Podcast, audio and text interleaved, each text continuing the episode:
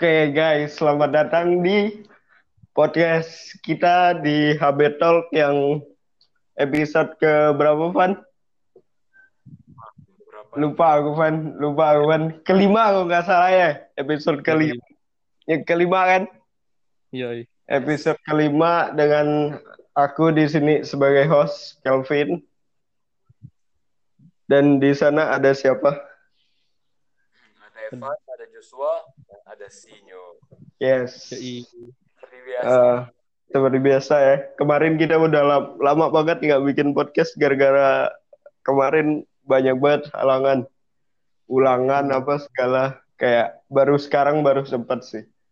Aku mau ngebahas tentang new normal yang sekarang kita lagi jalanin ya, lagi persiapan di Indonesia nih. Gara-gara corona memang udah nggak bisa ditanganin lagi loh. Kayak eh, udah udah banyak juga korbannya udah 30 ribu lebih kalau nggak salah kan. Nih tanggapan kalian tentang eh, ke depannya nih bakalan new normal tuh gimana tuh? Ya mungkin dari Evan coba. Tanggapan kau tentang normal ke depannya nih gimana Van? Dari sudut mana dulu nih, Fit? Dari segi kesuksesannya ya bakalan bakalan bakalan berjalan dengan baik atau bakalan gimana nih? A- apakah nanti bakalan lebih banyak bertambah korbannya? Gimana, Pak? Nah, kalau kita kan tahu kan, ah, kita pertama harus selaraskan dulu pendapat kita nih, pemahaman kita tentang new normal. Nah, kalau menurutku, new normal itu eh, Terputus, bro. ya terputus. Gangguan terus, cuy. Eh, terputus ya? Ya, Iya, terputus. Tapi ri- eh, rekamannya masih ada nggak? masih masih. Oh, masih. Lanjut ya ya. Oke. Ya.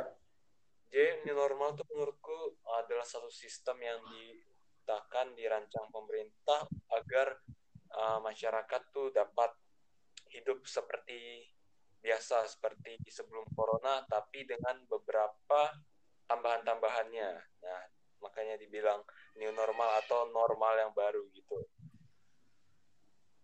Di situ kita kalau dari keberhasilannya sih uh, seharusnya lebih efektif dari sebelumnya karena uh, walaupun kita ada ketemu gitu nanti bakalan ketemu tapi itu kan udah pasti kita harus pakai masker dan sebagainya karena kalau nggak salah itu pemerintah tuh ada yang pantau gitu Iya. demi Apalagi apalagi sekarang ada peraturan baru yang harus memakai masker ya. Kalau enggak bakalan didenda kan? Oh, good. Dada los. menurutku lebih bagus daripada cuman stay at home aja gini soalnya walaupun stay at home kan banyak juga yang tetap keluar entah karena memang pekerjaan memang tanggung jawab atau mungkin cuma have fun aja kan mau di luar Iya. Emang bebal. kan malas di rumah no life Bukan bukan sekarang gini loh, bukan karena bebal juga sih. Kadang ada orang yang terpaksa keluar karena untuk nyari duit, nyari nafkah. Iya, iya. Ya, Ngerti, ngerti. ya aku kurang respect saya aja sih sama orang yang keluar cuma buat kayak nongkrong-nongkrong, main gitu. Eh, Itu kayak kayak gimana gitu. Kasihan juga sih sama orang yang rela-relain buat keluar buat berjualan atau nyari duit apa segala gitu sih. Hmm. lagi tadi kayak new normal tuh menurutku lebih efektif karena uh, pantauan dari pemerintahnya lebih banyak lebih lebih uh, ketat lagi karena memang masyarakatnya dihimbau untuk keluar gitu jadi pasti lebih aman gitu Iya. Hmm. Iya, Oke. untuk untuk Sinyo nih, gimana nih tanggapan kau nih? Menurutku mungkin ya dari sisi ekonominya mungkin dan juga sosial ekonominya nih. Iya. Mungkin lebih ke arah eh, tergantung sih sebenarnya nggak suksesnya itu tergantung dari rakyatnya. Iya. Sekarang aja disiplin dari warganya tuh kurang gitu dan juga mereka ekonominya juga rendah makanya mereka terpaksa Karena keluar. pemerintah nih bukan masalah tentang eh, pasien sekarang. Gimana caranya eh, ekonomi Indonesia nih kembali stabil? Karena gara-gara pandemi ini ekonomi ini turun drastis pasti. ya betul, betul. Dolar aja naik kok nggak salah kan? Hmm, benar-benar Iya. emang saat ini pemerintah sedang berusaha mungkin ya dari rakyatnya lagi bisa mungkin disiplin lagi ya Iya.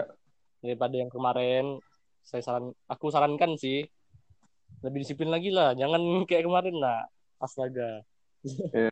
dan juga kok di, di sisi sosialnya mungkin kita bisa berinteraksi satu sama lain dan taati apa yang disarankan sama pemerintah jangan pernah diabaikan dan pernah di pokoknya jangan pernah di apa ya Di istilahnya Mas- masa bodoh masa bodoh apa dilupain gitu ya kayak masa bodoh gitu ya.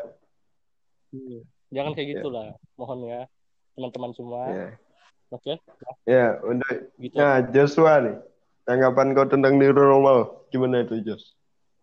Kalau menurut aku sih dari sisi ekonomi mungkin pemerintah mau buat new normal gara-gara supaya ekonomi setiap Membaik. keluarga stabil Iya. terus nah, biar stabil terus untuk yang lain-lainnya kayak sosial terus apa lagi ya pokoknya yang lain-lainnya tuh mungkin diharapkan yang diharapkan dari pemerintah tuh biar kita apa ya mungkin diajarkan supaya lebih kayak lebih taat dengan apa yang disuruh sama lebih kayak disiplin lah Ah, misalnya disuruh masker di kita pakai terus misalnya suruh pakai apa jaket disuruh eh ya kita pakai juga biar lebih disiplin lah dari yang dulu iya. Hmm.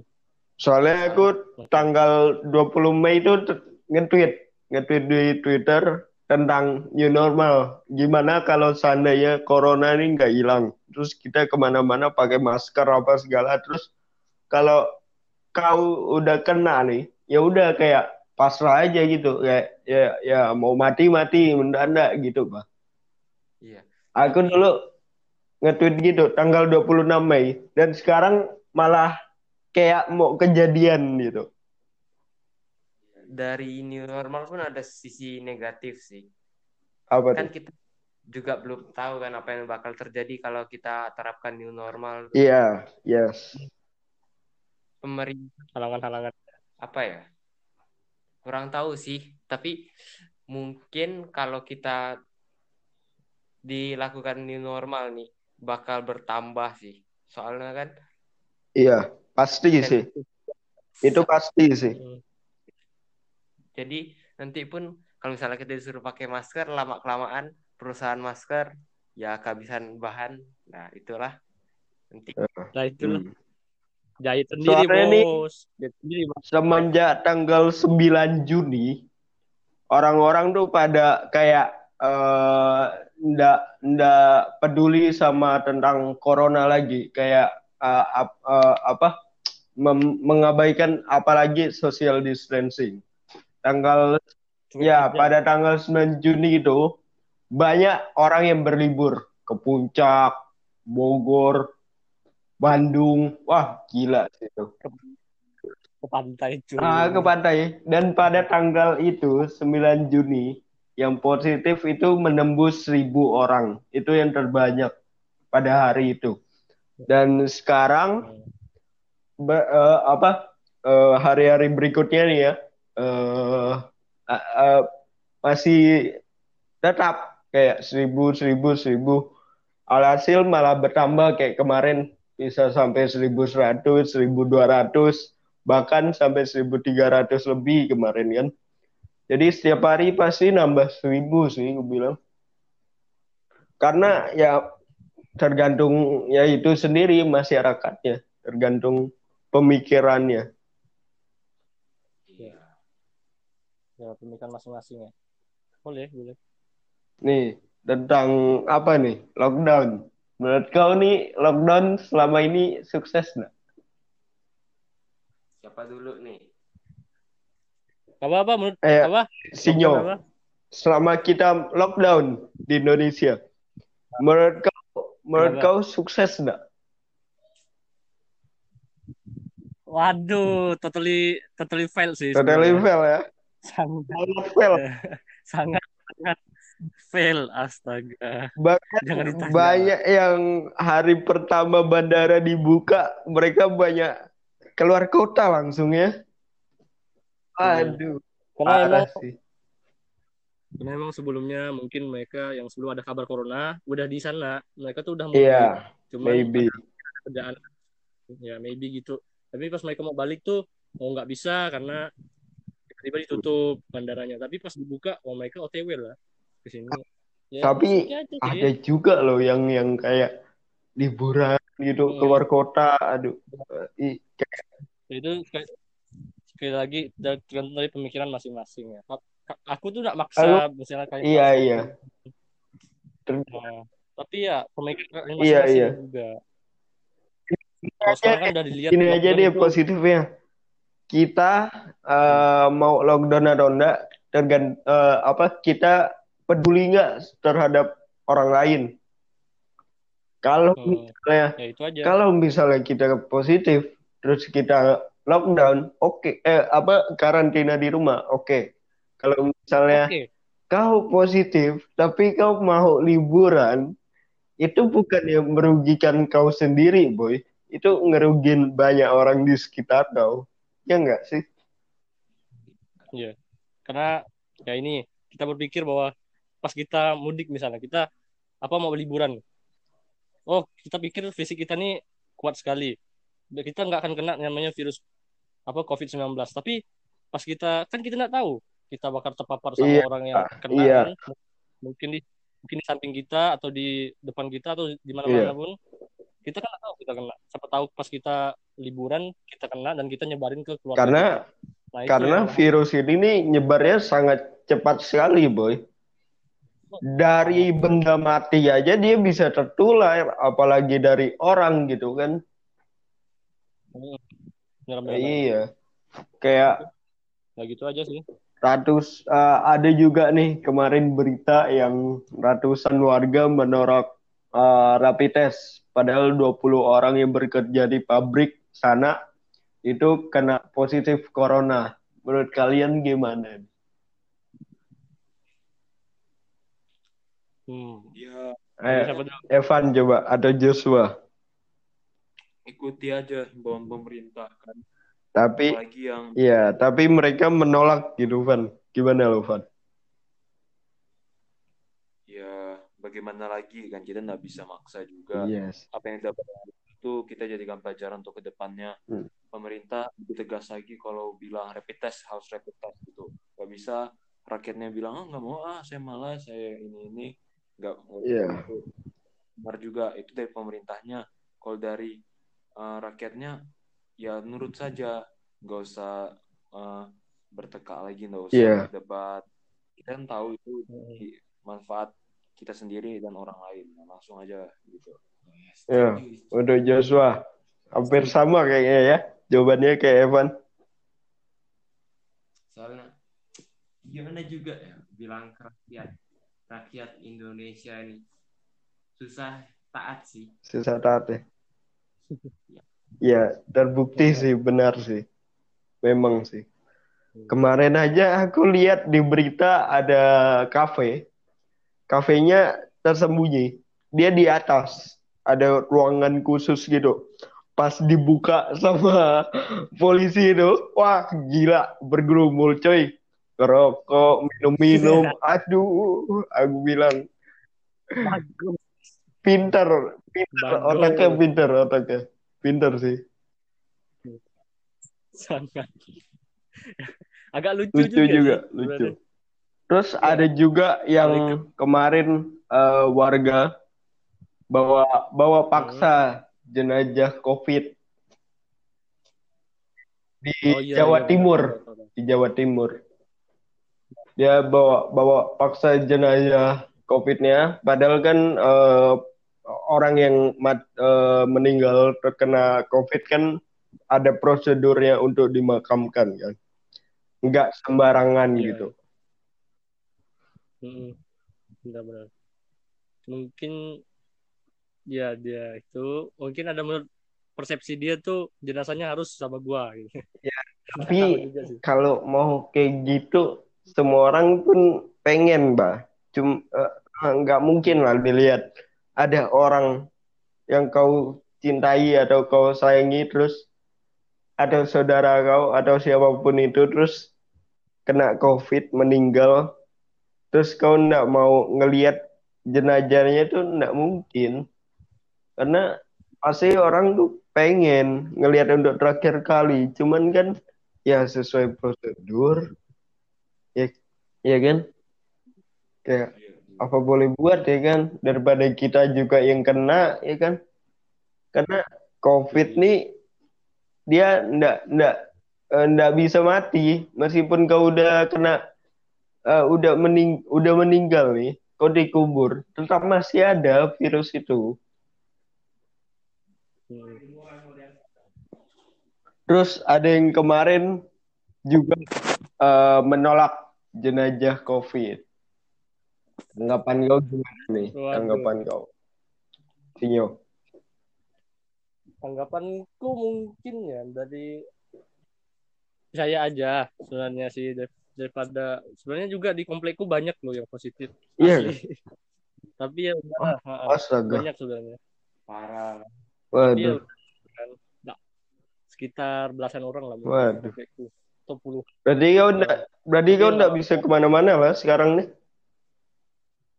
Iya, tapi anehnya mamaku ke mana-mana, tapi nggak kena-kena asli loh. Ya aneh. mungkin mungkin mak kau tetap jaga jarak atau gimana kali?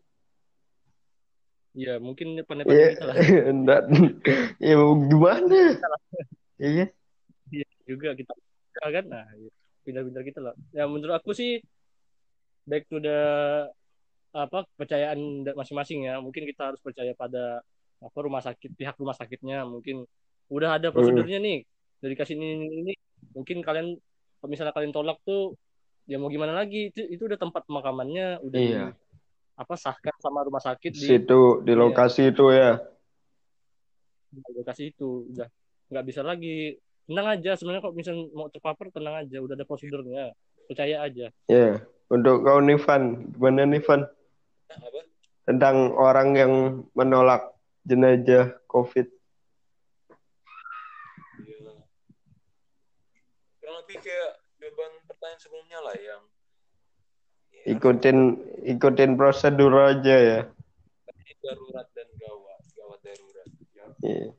Iya. Hmm. Untuk eh, kemarin kan sempat eh, banyak juga yang dibuka kan kayak mall, KRL, eh, MRT, eh, tempat-tempat wisata juga. Terus eh, kemarin aku lihat penumpang KRL tuh melonjak di masa PSBB, PSBB transisi kemarin. Soalnya nih eh, penumpang MRT, KRL kan dibuka tuh, otomatis banyak yang orang pakai dong. Terus mereka kayak eh, ngantri gitu lah, ngantri terus ndak ndak ndak pedulin tentang social distancing. Menurut kau di, gimana nih? Joshua coba, yuk. Menurut aku orang yang tidak mau social distancing. Ya setidaknya kalau tidak mau social distancing tuh tetap pakai masker lah. Untuk- Yes, yes. Nggak bisa to- totalnya eh meskipun tidak bisa 100% 100% prote- protection body kau ya. tapi setidaknya ada mengurangi lah. Pun Hmm. itu orang-orang yang tidak mau dengar social distancing tuh harus kayak ya apa ya ditegaskan lagi lah supaya dengar. Hmm. Toh cuy kalau dia nyebarin atau dia yang kena kan yang rugi kan kita semua. Mm-mm. Itu aja sih. Untuk kau Nivan, gimana Nivan?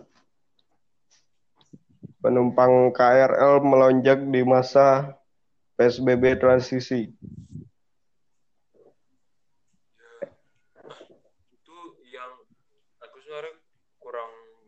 baca berita akhir-akhir ini jadi ya kurang tahu infonya Vin yang info yang yang kau dapat tuh eh, lebih penumpangnya tuh lebih banyak dari masa sebelum corona atau enggak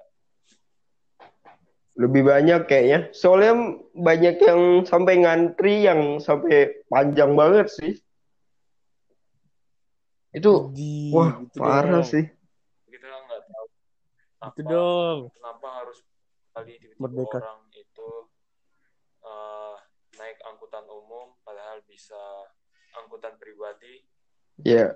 mungkin aku untuk yang ini aku no comment lah ya waduh Nah, untuk untuk kalian semua nih pendapatnya. Kalau misalnya corona hilang gitu. Bakalan gimana ke depannya? Banyak yang berubah? Ya, dari Sinyo coba. Gimana nih?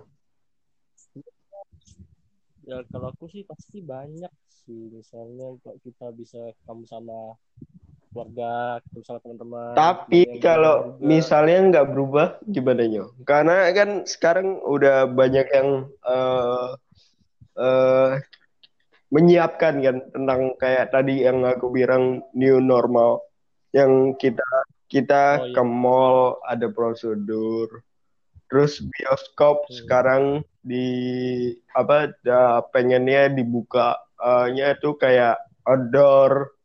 Terus ada juga kemarin yang bioskop yang nontonnya tuh di mobil di Bekasi itu. Ya. Menurut kau ini gimana nih? tahu tahu tahu tahu. ya itu bagus juga sih maksud aku idenya juga tapi ya tergantung dari rakyatnya juga waspada aja jangan sampai apa ikuti aja prosedurnya jangan sampai lalai dan juga sam- jangan sampai apa masa bodoh gitu pikirannya pemikiran kalian masing-masing aja teman-teman semua ya biar kalian tuh tahu bagaimana rasanya kita nih hidup di dunia yang udah baru sebenarnya. Memang udah akhir-akhir ini kita banyak banyak sekali tidak bertemu keluarga apalagi kita kangen banget lah sama Iya. keluarga kan?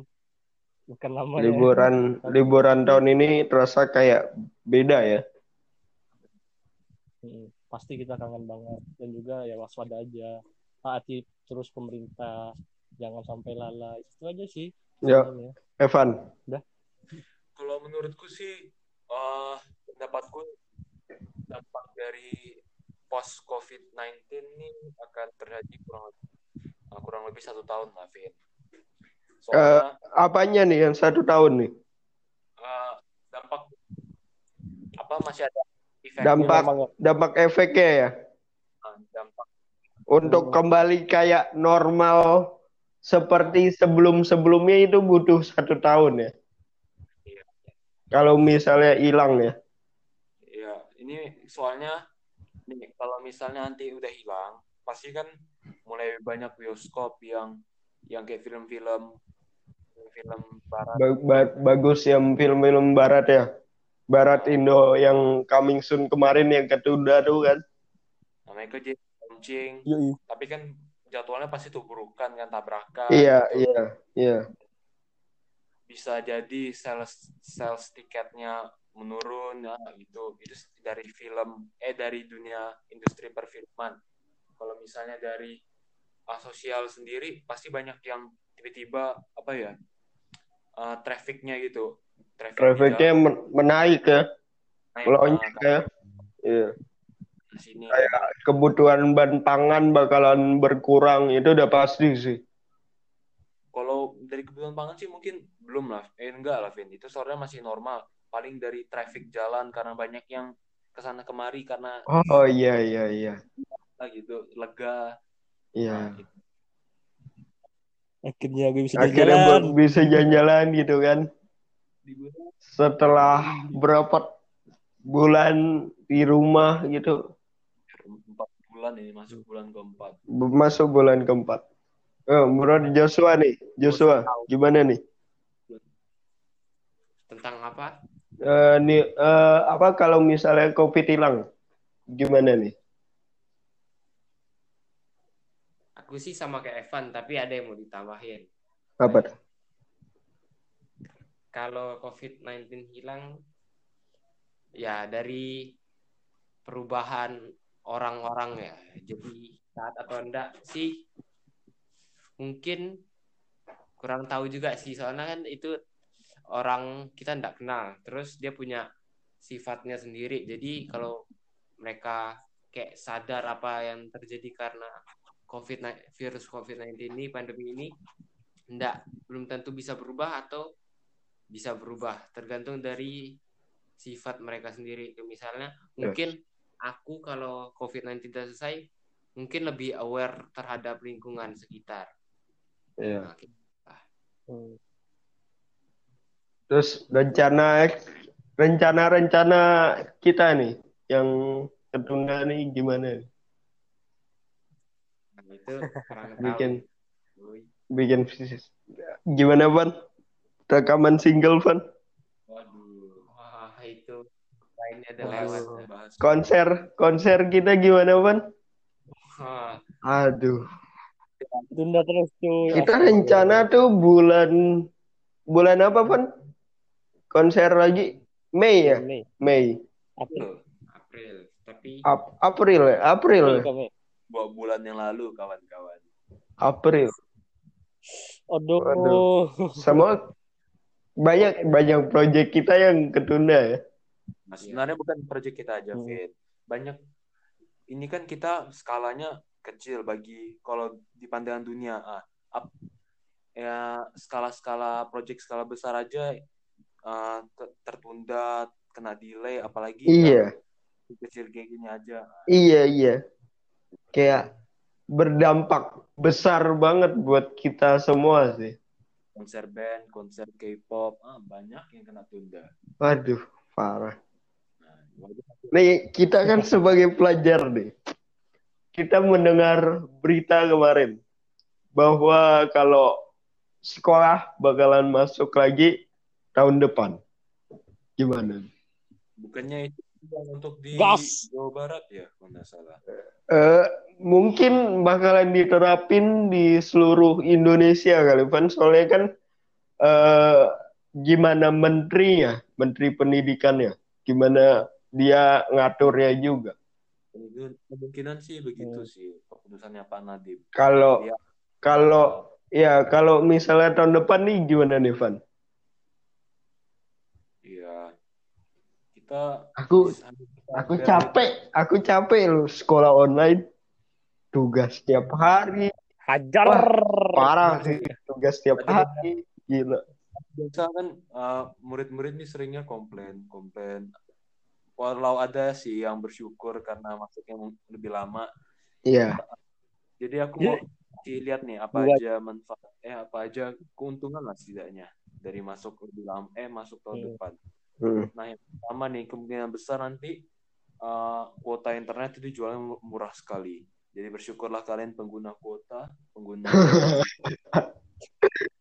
Yoi. wifi, wifi bayarannya bakalan turun kali ya, mungkin ya karena baby ya. mau diundang lebih banyak yang makai lebih banyak Iya. daftar kan. Nah, tambahan Iya. enam bulan, bulan tempat penjualan Iya, karena- lumayan. Nah itu Hmm. yang pertama.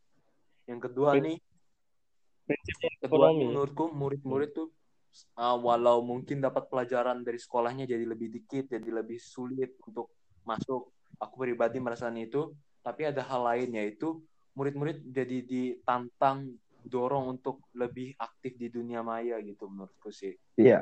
Baik sosmed mereka Hmm. mungkin ada yang mau coba-coba di influencer atau ada yang dari YouTube, ada yang misalnya mau jadi uh, mau buka toko online, nah itu kan bisa. Mereka dapat kesempatan dengan Berkarya, ya berkarya karena waktu belajar kita potongnya lumayan besar tuh menurut yes. Dari yang kalau aku sih 8, hampir 8 jam sehari jadi cuman berapa ya waktu itu 4 jam 4 jam, iya. Ingin loh dapat tambahan 4 jam sehari itu uh pasti bisa banyak yang dihasilkan lah Iya. atau Push rank nah, sampai itu- mitik. Wah, itu itu itu nggak- itu itu enggak terlalu berguna. Itu masih dipertanyakan itu. Itu berguna atau enggak tuh? Kecuali push rank untuk mitik eh sampai mitiknya itu untuk konten YouTube Yes. Itu. Itu bisa dikatakan berguna dengan tidak berguna ya. Hmm. Tergantung kita mengolahnya. Kita Ya. mengolahnya aja cuy. Ya, apalagi apalagi nih Van, apalagi nih Van. Kita kalau pikir-pikir. Ya seharusnya ya kayaknya udah aja Itu aja ya. banyak nah banyak sekali kalau kita lihat kayak yang bercabang-cabang yang kayak tadi misalnya ada yang buka online shop nah itu kan berdampak ke ekonomi dia ke mindset dia juga dia jadi pandai berdagang online gitu nah itu Kayak aku ya. manfaatnya Kayak Jadi aku ya. ya kayak cuman kayak. Ya. berapa kan berapa Apanya berapa juta tuh? Dari selama Karantin. ini nih selama su- Eh, karantin. sejuta, juta, tiga, tiga juta lah. Tiga juta. Nah, lumayan Yes, tapi rugi, rugi Yes, juga yes, sih, yes. rugi 5 juta juga sih. Kemarin kan ada beberapa job yang di cancel juga, yang harusnya buat nanti kelulusan buat ngisi di acara itu terus di cancel gara-gara ya COVID gini. Ya mau gimana lah. ya Tuhan pasti sediakan Amin. jalan amin Ini Nah, Amin. ini Halo. question eh, Joshua nih, masih ke pertanyaannya tadi. Gimana nih? Sekolah buka tahun depan. Pendapatmu gimana ini, Jas? apa ya? Aku nggak ada yang Kau kau seneng nggak sekolah tapi dibuka tahun depan? Kayak misalnya eh nggak mungkin nggak mungkin kita nggak belajar online kan? Pasti kan nanti bulan Juli eh pasti kan udah mulai belajar online tuh, meskipun di rumah kan. Eh, terus eh kau suka nggak dengan hal tersebut belajar online dengan di sekolah? Soalnya kan feel feel-nya pasti beda kan. Kau belajar di sekolah dengan di rumah. menurut aku sih aku jujur apa ya kalau kelamaan belajar di sekolah Bosan. kayak bosan gitu tapi nah tapi itu Iya. kan kayak kita udah Iya. biasa Bertahun-tahun ya. itu mbak ya tapi ini di rumah Kayak- baru bentar ya menurut aku sih Apalagi apalagi ketemu teman harus eh, apa memandang ke layar handphone berjam-jam itu wah yang ada minus aku nambah coy mulai nggak mulai buram sih gara-gara. Tapi menurut aku sih lebih seru di sekolah. Aku udah kayak apa ya nyesal sih karena dulu gua anggap sekolah tuh kayak bosan sekali tapi ternyata karena pandemi ini ya sadar cuy. Sekolah Sekolah tuh eh, seru ya. Lebih seru di sekolah daripada di rumah. Aku jadi satu konsep Jadi- belajar baru. Kalau misalnya hari Senin Rabu Jumat kita di sekolah lalu Selasa Kamis kita di online di rumah Yes. lah. Nah, mungkin sih ya ya boleh boleh boleh bisa. bagus bagus selang seling ya selang seling terima kasih Satu orang batuk langsung bubar. bar. Dah, dah, dah. Aja Dah, dah, dah. kau kau gimana yo Senang nggak, Yo? Tahun depan masuk katanya. ya Hmm, bulan sebenarnya Juli bulan Juli ya, tahun ajaran baru ya. Apalagi aku kan aku pasti kan lebih cepat masuk kan karena aku lebih lam, eh, lebih duluan libur daripada kalian kan. Iya Iya. wah itu Iya itu wah lebih lama kali cok kalian udah ulangan aku udah lulus dah. Udah lama ada gel udah lama. Aduh, udah lama. mantap. Udah, udah. Ya aku syukuri aja sih sebenarnya. Mau gimana lagi kita udah kayak gini, ya udah syukuri aja sebenarnya. Ambil Ada positifnya, ya. ada negatifnya juga. Ambil Yes. hikmahnya, tetap disiplin. Hmm. Dan juga yang paling gue nyesel, gimana ya? Ada adik kelas daftarkan di sekolah, pakai nilai raport, bukan pakai nilai UN. Bisa Tadi gitu ya gua kemarin Bisa pakai gitu ya. nilai raport. Nah, nah.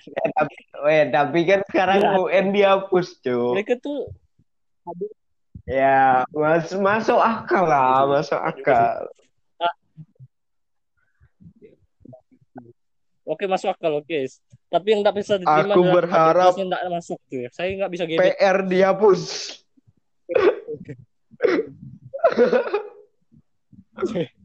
Weh, Aku berharap PR dihapus. Jangan dihapus lah, dikurangin ya tugasnya tuh.